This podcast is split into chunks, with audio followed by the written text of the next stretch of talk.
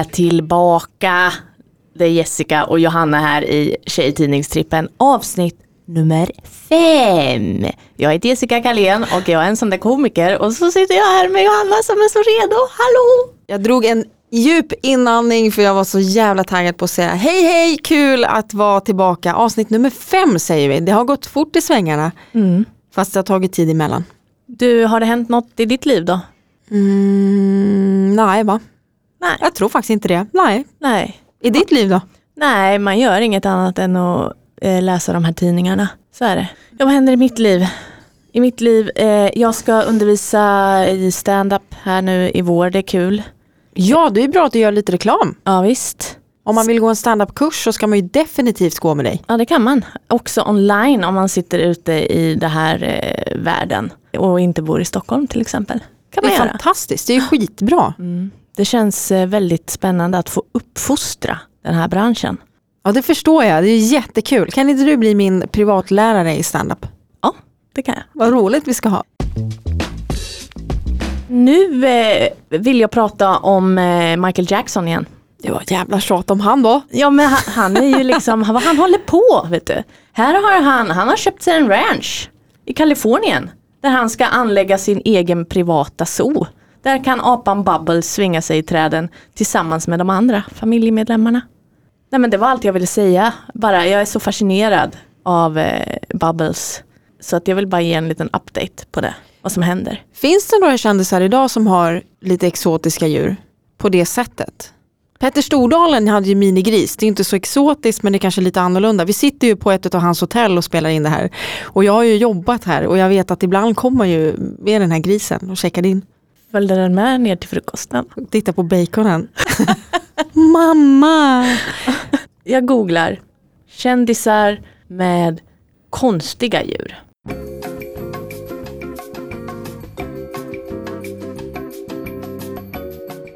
Chris Brown hade en husdjursapa som senare blev gripen. Blev apan gripen? Nej. Det var Chris Brown som blev gripen. Men det är ju liksom, det är ju en syftningsfel på den här sidan. Ja det var det ju deluxe. Okej, blev Chris Brown gripen på grund av att han hade en apa? Ja, för att han har, eh, alltså jag vet inte om den här källan ens stämmer, men eh, efter att han hade lagt upp bild på Instagram så åtalades han för innehav av en sällskapsdjurs apa utan tillstånd. Ja, men eh, Arnold Schwarzenegger äger en miniatyrhäst och en åsna står det här. Oj, bergslejon, giftormar. Nick Cage äger en husdjurskråka. Alltså jag, vet, jag har ingen typ av källkritik på det här. Prince har lite duvor. Jo men eh, Justin Bieber verkar ha haft en apa också. Det är populärt att ha en apa. Det är lite kycklingar hit och dit som någon har och sen har vi Miley Cyrus, hon hade en liten gris och sådär. Jessica, visste du att Orup hade religiösa fanatiker som förföljer honom? Lena PH. Nej. En utav dem. Vi sitter fortfarande i 1988 Ja. och eh, här är en artikel där de undrar vem ringer till Orup? Jo, det är hans fans förstås och en massa journalister. Men när religiösa människor började terrorisera honom och flickvännen, då fick Orup nog. Nu har han hemligt telefonnummer. Och då säger Orup att det ringer en massa konstiga människor hela tiden. Dels är det småtjejer som ringer och fnittrar och det gör inte så mycket. Men efter jullåten som är ganska hädisk ringer en massa religiösa människor och det är jobbigt. Är man hemma får man ingenting gjort för det ringer hela tiden, säger Orup. Han berättade att det var värst för hans tjej eftersom att hon är den som är hemma mest. De religiösa hotelser efter Orups låt om Gud på julskivan Tip Tap fick Orup att bestämma sig för att byta telefonnummer. En sa till exempel Orup, jag tycker inte om att du driver med kyrkan. Och sen la han på. Åh nej! Han säger också att han trivs bra med livet Orup och han tycker att det är ganska kul att vara kändis. Jag är inte så himla känd så jag klarar mig rätt bra från den värsta uppståndelsen. Jag tycker för det mesta att det är roligt men ibland så skulle jag vilja att folk inte tittade på mig. Nu när Orups efterlängtade LP kommit blir han väl ännu mer uttittad när han visar sig på stan. På singeln Stanna hos dig sjunger han duett med Karin Wistrand från Lita Pop. Jag ville sjunga med henne för att hon är en snygg tjej.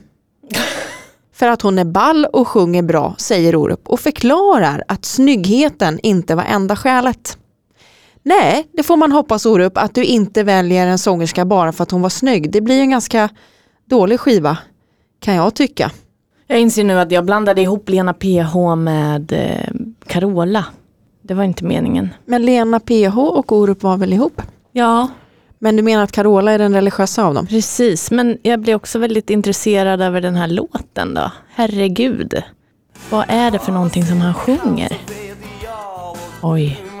Det enda som ni lämnar kvar till oss var en anledning att hata och en orsak till att slåss. Och herregud, Jesus Kristus, vad är det här för värld som ni låter oss leva i? Ja, herregud, det enda som, det enda som ni har lämnat kvar till oss var en anledning, hata och en orsak till att slåss. Och herregud Jesus Kristus, vad är det här för värld som du låter oss leva i? Det är lite dark, det är det ju. Det här är värt att ringa till någon och säga lägg av med det där och Ja. lägg på luren. Ja, Tänk att det var dåtidens internethat på något sätt. Du hade ju ingen telefon, ingen mobiltelefon, så det var antingen att någon åkte hem till dig, skrev ett brev eller ringde hem till dig. mm. Idag tänker jag att man som kändis kanske är ganska utsatt för att det är så lätt att få tag på uppgifter om folk och lätt att få tag på dem på massa olika kanaler och så vidare.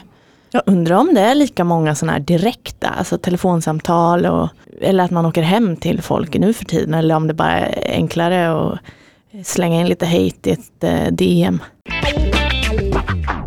Jag läser ett litet inlägg här från Man Machine. Moss. Jag är en liten halvnormal syntare på 16 bast som skulle vilja brevväxla med små syntetter på 15 till 17 bast. Jag lyssnar just nu mest på Kraftwerk, DAF, Front 242, Depeche, gärna foto. Det är Patrik Sjöberg 242. Men jag tänker mest på att alla får vara med i Frida. Alltså det är ingen sån nischad liksom, eh, tidning utan här kommer emosarna är också med i samma gäng. Att det är alla som läser de här tidningarna. Man har liksom inget eget sånt helgon.net att hänga i med andra sådana här kajal-personer. Eh, det var ödmjukt sagt.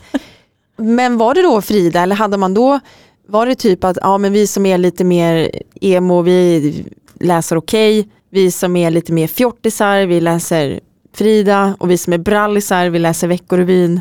Jag vet inte riktigt, det känns lite som att alla är här liksom. Och även om man gillar Rob Love, Patrick Swayze, Benny Haag eller Bon Jovi. Frida is the shit. Ja. Sen har vi en insändare från Petronella i UA. Eller kan det vara Uppsala? Står Eh. det bara i UA? Ja.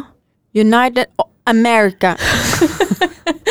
Eh, som har då skickat in kloka ord om kärlek. Nu kommer den här dikten. Kärlek är som bilkörning. Startar för hastigt, kör för fort, bromsar för sent. Eh, då funderar jag på, alltså det är väl snarare, det är väldigt dålig bilkörning Petronella menar på här. Jag tycker inte den här diktmetaforliknelsen är något vidare bra. Nej, vi får gå om körskolan. Petronella. Startar för fort. Startar för hastigt, kör för fort, bromsar för sent. Det är jättedålig bilkörning. Det är inte kloka ord om kärlek eller om bilkörning heller. Utan det skulle väl vara något annat då, om kärlek är som bilkörning. Man borde vara 18. eller? Nyktert tillstånd. Ja, Högerregeln gäller, släpp fram någon annan först. ja precis. Och liksom som första bil. Gärna en gammal skruttig. Som har varit med. Ja precis, som du inte behöver vara så rädd om. Kloka ord om kärlek, det har vi här nu. Vi pratade tidigare i det här avsnittet om Lena PH. Och 1988 så finns det en artikel där rubriken lyder Ska Lena Philipsson vinna schlagerfestivalen i år? Sen är det stora, stora röda bokstäver Nu är det sista gången jag försöker! Utropstecken, utropstecken, utropstecken. I år sjunger Lena Philipsson om igen i Melodifestivalen. Titeln passar Lena bra. Det är tredje gången hon ställer upp i Schlagerfestivalen och förmodligen sista, konstaterar Lena. Ja, då la jag in en liten brasklapp och sa förmodligen sista. Men det här känns ju... Det är lugn. Ja, men då var då hon tänkte att det var sista, att hon har ställt upp tre år i rad och nu räcker det. Men så gjorde hon brasklappen och jag har gjort lite research och kollat, var det sista gången Lena PH ställde upp i Melodifestivalen? Och det var det icke. För det första så kan jag tala om att Om igen slutade på en andra plats. Ja nej, ja, men då kan man inte lägga av när man Nej. var så nära. Sen var det också så att Kikki Danielsson faktiskt erbjöds först att tävla med låten Om igen, men hon tackade nej. Så Lena P.O. fick bli ett andrahandsval för den. Men sen så var hon också med och skrev en del låtar, bland annat till allas våran kära Pernilla Wahlgren och Arvingarna. Och hon har varit programledare ett x antal gånger och gjort liksom mellanspel och lite sådana saker. Men 2004 så ställer hon upp med låten Det gör ont och kniper första platsen. Hon vinner ju hela konkarongen. Och sen har hon varit med i ett gäng andra små akter och program Lätt och annat. Men hon var inte med någon mer gång eller? Det känns Jo. som att hon jämt är med i Melodifestivalen. Ja men hon har tävlat en gång till och Ja. sen har hon gjort massa andra medverkan. Skrivit låtar och som sagt har kommit in och kört något medley och så. Mm. Men när hon ställde upp för fjärde och då var det sista gången i alla fall. Så vann hon. Det kan vet man inte för hon lever väl än. Ja precis, det gör hon. Ja. Hon är väl 50 någonting nu. Så hon kanske ställer upp ännu fler gånger men hon har fått vinna i alla fall nu. Grattis Lena! Hur får man bort putmage? Och det behöver jag veta. Ja, för där har vi någon som har skickat in och vill ha hjälp med detta. Hjälp! Hur ska jag få bort min putmage? Jag har haft den i flera år och har sånt komplex för min stora mage. Jag har svårt att avstå från sötsaker och gymnastiserar inte. Sedan ett par veckor tillbaka har jag gjort situps men tyckte då att det bara blev värre. Att jag fick en riktig kulmage. Hur ska jag få bort den? Snälla svara. Tacksam för svar. Ja, gymnastiserar du? Johanna? Nej, men man frågar ju inte det idag. Man säger ju så här, gymmar du, tränar du Tränar, någonting? Men gymnastiserar alltså var ordet 1988. Svaret kommer här då. Var och varannan tjej tycker att magen är för stor och tjock. Att bli av med sin tjocka mage är inte det lättaste. Att sluta äta sötsaker och fett är en bra början men bäst är att träna upp magmusklerna. Då försvinner fettet och magen blir plattare och framförallt fastare. Men det är inte så lätt att förvandla en tjock mage till en läcker platt. Och här nu, här kommer the brain knowledge. Situps är det mest beprövade och effektiva sättet att träna upp magmusklerna. Men man måste göra rätt, annars kan effekten bli den motsatta. Magen känns större. Dra in magen när du gör situps. När man reser sig upp ska man andas in och när man lutar sig bakåt andas man ut. Eftersom man absolut ska hålla in magen hela tiden kan man inte andas med magen. Utan man andas med lungorna. Som man ska. Är det så du gör dina situps Jessica? Ja. Ja, Från och men, med idag är det det. ja visst. Och så ska andas med lungorna också ska jag börja med. Det, det ska man tydligen. Det visste inte jag. Nej. Det, så det är ju därför som jag ser ut så här. Det har vi förklaringen. Ja. Andas med lungorna så blir det bra. Kanske lösningen på det mesta. Vet du vad Tommy Nilsson ger sin tjej på alla hjärtans dag? Nej. Jag brukar ge min tjej Katrin fem röda rosor varje månad. Så på alla hjärtans dag får jag ge henne tio. Förra året fick jag ingenting och gav inte heller bort någonting. För då hade vi inte träffats. Tio stycken. Vad brukar du få på alla hjärtans dag? Och vad det var top of mind att jag skulle säga ingenting, men det är nog skitsnack. Jag får nog blommor och choklad som gör mig så glad. Tack hjärtat. Älskar dig. Puss puss. På tal om det då, vet du vad det är dags för? Jag hoppas att det är dags för del två av Skärmskolan. Del tre. Är det del tre? Jag hoppas att det är dags för del tre av Skärmskolan. Ja! Det är dags för del tre i Charmskolan och det är inte vilken del som helst utan den här delen heter Charma och manipulera. Att vara charmig när man känner sig som hela världens lilla charmknutta eller när det gäller att snärja ett inte ett ont anande pojke, det är ju inte så svårt. Värre blir det när du känner att du måste slå något hårt i huvudet på någon för att inte explodera av ilska. Sista lektionen i den oumbärliga skärmskolan lär dig att behålla skärmen i krissituationer. Jo, jo, det är ingen konst att vara charmig när du liksom sprider gnistrande stomatol-leenden omkring dig helt automatiskt. Men när du vilt stirrande ser dig om efter ett lämpligt tillhygge att drämma i roten på misshagliga personer i din omgivning, då kan väl ingen vänta sig att du ska vara charmig? Om din kompis Bettan ville låna dina nya brallor och du vägrar eftersom du inte har hunnit ha dem själv än och gamla Bettan kastar sig på golvet, skriker och tjuter och kallar dig alla fula ord hon någonsin har lärt sig. Inte blir du väl välvilligt inställd för det? Det skulle förvåna mig mycket om du log milt mot den vildsinta varelsen vid dina fötter och lugnt sa Ja men Bettan, om du tar det på det viset så ska du naturligtvis få låna mina brallor. Troligare är att du blir smått förbaskad och lovar dig själv att aldrig ens låna ut ett begagnat tuggummi till den där otäcka människan. Så varför tror du att du inte får din vilja igenom när du härjar som en mjödpåverkad viking? Knepet att lyckas få sin vilja igenom, nu talar vi alltså om rimliga idéer, inte att emigrera till Australien eller måla hela lägenheten rosa, är att överlåta initiativet till den som du måste övertyga. Hur tycker du att jag ska göra nu då? är en bra fras. Då tvingar du den som förvägrar dig ett party, löneökning eller en ny päls att tänka igenom vad hans eller hennes beslut innebär. Huvudsaken är att du kan hålla huvudet kallt, hålla med om att mycket de, han eller hon säger är rätt och fråga dem till råds även om du egentligen tycker att rätta platsen för deras råd är slasken. Skulle du nu inte lyckas varje gång får du tänka efter.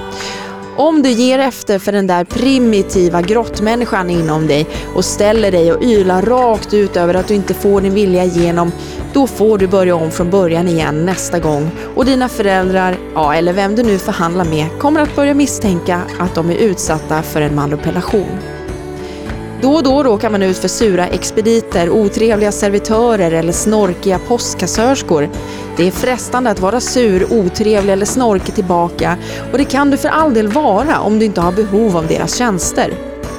Inbilla dig bara inte att expediten, servitören, kassörskan skamset kommer att inse hur fel han eller hon handlat efter dina väl valda förolämpningar och underdånigt be dig om ursäkt för sitt uppträdande. Troligare är att du och han eller hon bara kommer att utöka era respektive förråd av taskiga tillmälen och du kommer aldrig att vinna eftersom de kan be dig att lämna lokalen. Får du alltså in en biff som aldrig ens har varit i närheten av en ko utan snarare härstammar från ett skomakeri har du inte mycket att vinna på att rusa in till kocken med biffen i nypan och berätta för sagda kock att han borde ägnat sig åt halvsulor och klackningar istället för åt schnitzlar och filéer. Istället ska du liera dig med servitören. Fråga lite vädjande om han inte kan hjälpa dig att få en ny biff eftersom att du bara är utrustad med vanliga hedliga sköra tandbissingar. Du har inte krävt något av honom, istället har du bett honom om hjälp och i hans egenskap av duktig servitör och du har fått honom att tycka att du och han kan bilda ett team. Dessutom kommer han förmodligen att gå ut i köket i en förvissning om att han frivilligt gör dig en tjänst i rena välviljan.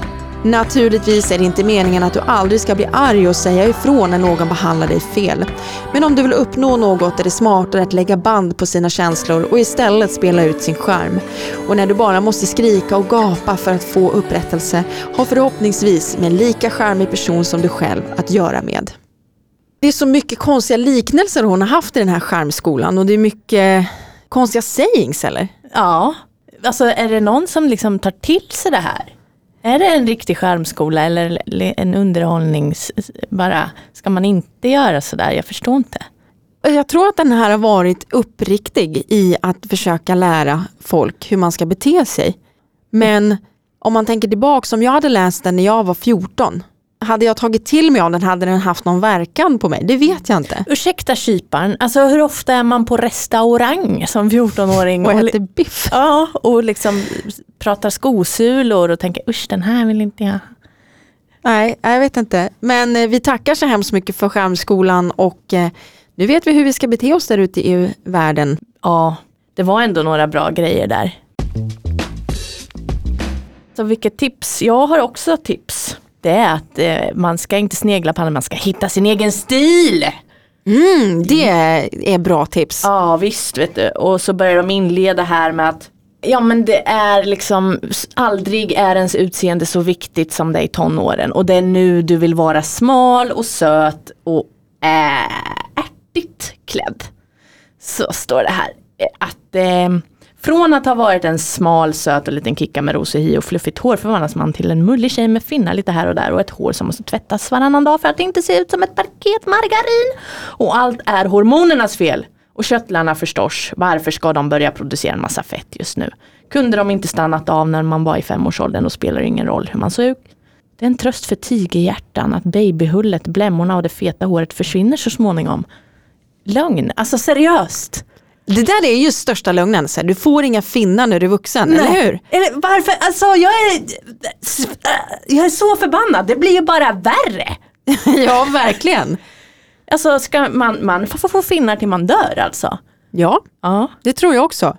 Det är ju typ den saken, man slutar få finnar efter tonåren och du vet släck lampan i, i bilen, jag ser inget när jag kör. Men det stämmer faktiskt, tycker jag.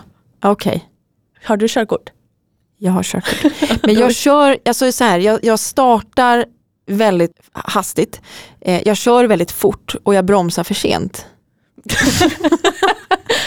Det är som kärlek. nu tillbaka till hitta din egen stil. Okej, lögn. Vi börjar där. Men sen så kommer de ju lite med tips här att är man liksom eh, en lång och slank tjej klär bra i till exempel en kort kort kjol medan en kort och knubbig tjej inte är lika snygg i ett sånt plagg. Är du lite mulligare kan du låta kjolen krypa ner en bit. Allt för tajta jeans är inte heller så snyggt på dig som är fyllig. Däremot är det läckert med jeans av baggy typ, det vill säga jeans med vida och skönt pösiga lår. Lögn. Också lögn. Men eh, nog om detta. Sen så kommer de in på sitt TED-talk här. Allt hänger naturligtvis inte på utseendet. Mår du inte bra inombords spelar det förstås ingen roll hur söt och välklädd du är. Det kanske är en sliten klyscha, men en stor del av skönheten kommer faktiskt inifrån. Mår du bra, är säker på dig själv och känner dig läcker så är det förstås ingen som kan motstå dig. Men hur blir man en självsäker tjej? Det första du ska göra med att ransaka dig själv. Trivs jag verkligen med det jag håller på med? Okej, även om jag inte trivs i skolan så är det ju inte så mycket att göra åt. Liksom vi har nio år i skolgång, men så står det att man kan förändra sin fritid och inte hänga med gänget utanför kiosken. Och visst kostar det en del att avvika från det gamla gänget till en början kanske du är ganska ensam i de här. Eh, att eh, ja, är man dödstrött med tjej på tjejerna och killarna så ja men då ska man inte hänga med dem. Ingen kommer att hänga dig för det. Även om du måste vara beredd på en del tråkningar. Jag gillar det ordet. Välj ditt liv i så stor utsträckning som möjligt. Häng inte bara med i brist på bättre utan försök att forma allt det där som du tycker är bäst. Tänk hela tiden på att du kan styra ditt liv och att det är du som väljer istället för att bli vald. Gilla dig själv, se till att andra respekterar dig och du kommer att må toppen och bli oemotståndlig. Lycka till! Det sista var ju ändå lite bra. Ja det var det. Men det jag stör mig på det är att de fortfarande så målar upp de fysiska attributen. Och är så här, ja men man ska ha den här platta magen och du, om du är lite satt eller knubbig eller vilket ord de använder så får du inte ha skinny jeans och så vidare. Då är alltså motsatsen då, alltså det som är eftersträvansvärt är då att du inte är lite knubbig utan att du ska vara smal. Att man matas med det, så här, ja och om du nu är lite knubbig då är det viktigt att du mår bra inifrån. Ja men och sen att så här platt, snyggt, knubbig, fult. Ja, Att det finns så här, det ligger också en värdering i det här. Som så om du tittar på den här artikeln, då är första sidan så här, det är liksom så många spalter med det här utseende tjafset. Och Wow, sen så ja. kommer det här eh, TED-talket då, då är det så där mycket text. Det var lite mindre där. Det var lite mindre tips där. Men först så står det här att man ska göra sin färganalys och se ifall man är vinter eller vår eller sommar eller höstfärger. Mm. Och så kanske läsa en bok eller gå till en kosmetolog eller sådär. Och mycket av det vi har tittat på tycker jag, om, man, om jag i mitt eget huvud gör ett överslag, så har det ju ändå varit vissa saker som har varit väldigt bra med karriärsrådgivning och att kvinnor och tjejer ska ta plats i vissa delar av samhället och vissa yrken och så vidare. Men den största delen har ju ändå varit kring utseende. Sen, Och kändisar, utseende och kändisar såklart. ja, killar också. Här har de gjort en första artikel med Jonny. Jag tror att de försöker ha liksom så vanliga svenska killar som de intervjuar. Vem är Jonny? Nej men han, eh, han bor utanför Göteborg och han ska inte göra lumpen på grund av att han är alldeles för väluppfostrad för att gå med på att låta sig tränas till att ha ihjäl andra människor. Särskilt som de inte gjort mig något annat än att ha råkat bli födda på andra sidan av något som vi kallar gräns. Johnny är riktigt woke. Kan man säga. Han är också lite woke här eh, vad det gäller kvinnor. Att eh, de förvånar Johnny. En kvinna sa till mig du förstår inte mig och jag förstår inte dig, men skillnaden mellan oss är att det för dig är ett sånt problem. Johnny berättar om att här i Göteborg, då hade de förra lördagen, då hade de Clintankväll. Alla drack öl och gick omkring och så bistra ut. Kanske lite löjligt att tala om, men jag är inte rädd, det slutar ändå alltid på samma sätt. Hur då? Frågar Frida. Alla dricker för mycket och så kan de inte hålla sig. Hålla sig? Ja, de... Punkt, punkt, punkt. Men är det på samma vis nu 1988 sedan den stora sjukdomen med det lilla namnet kom in i bilden? Frågar jag. Aids, säger Johnny. Det har vi inte här. Hur gammal var Jonny? Johnny går på det 19 året. Han är 19 år alltså. Ah, så säger man ja. Han har en äldre bror som läser juridik i Stockholm och Johnny ska ta över gården när den tiden kommer. Det blir hårt säger han, men jag är inte rädd. Tror bara inte jag är centerpartist, jag är ingenting. Johnny, kollar du upp han på fejan eller? Jonny och så hette han Will, men han heter inte sitt mellannamn på Facebook va? Johnny Wilhelm Söderström. Jag vet inte. Jonny Söderström. Här är han! Nej men lägg av! Jonny W Söderström, en gemensam vän. Nej men gud, kan jag få kontakt med honom? Han sitter naken på en häst. Jonny! jag älskar Jonny. Finns... Han vann hästen! Han vann hästen! Ja, det är inte Putin. Det här är fantastiskt roligt. Johnny Söderström sa du. Vilken av dem är det? Av de här? Den första är jag inne och, och pillar på höll jag på att säga. Men han är ju från Stockholm. Men kan vi inte låtsas att det är han? Jo. Okej, det är inte han tyvärr. Men det var roligt att han satt naken på en häst. Okej, men nu slutar vi för idag. Det här, våra vänner, var avsnitt nummer fem av Tjejtidningstrippen. Det är podden där vi göttar ner oss i gamla tjejtidningar. Ja, det är det vi gör. Vi hörs avsnitt sex. Jo! Puss puss! Aj!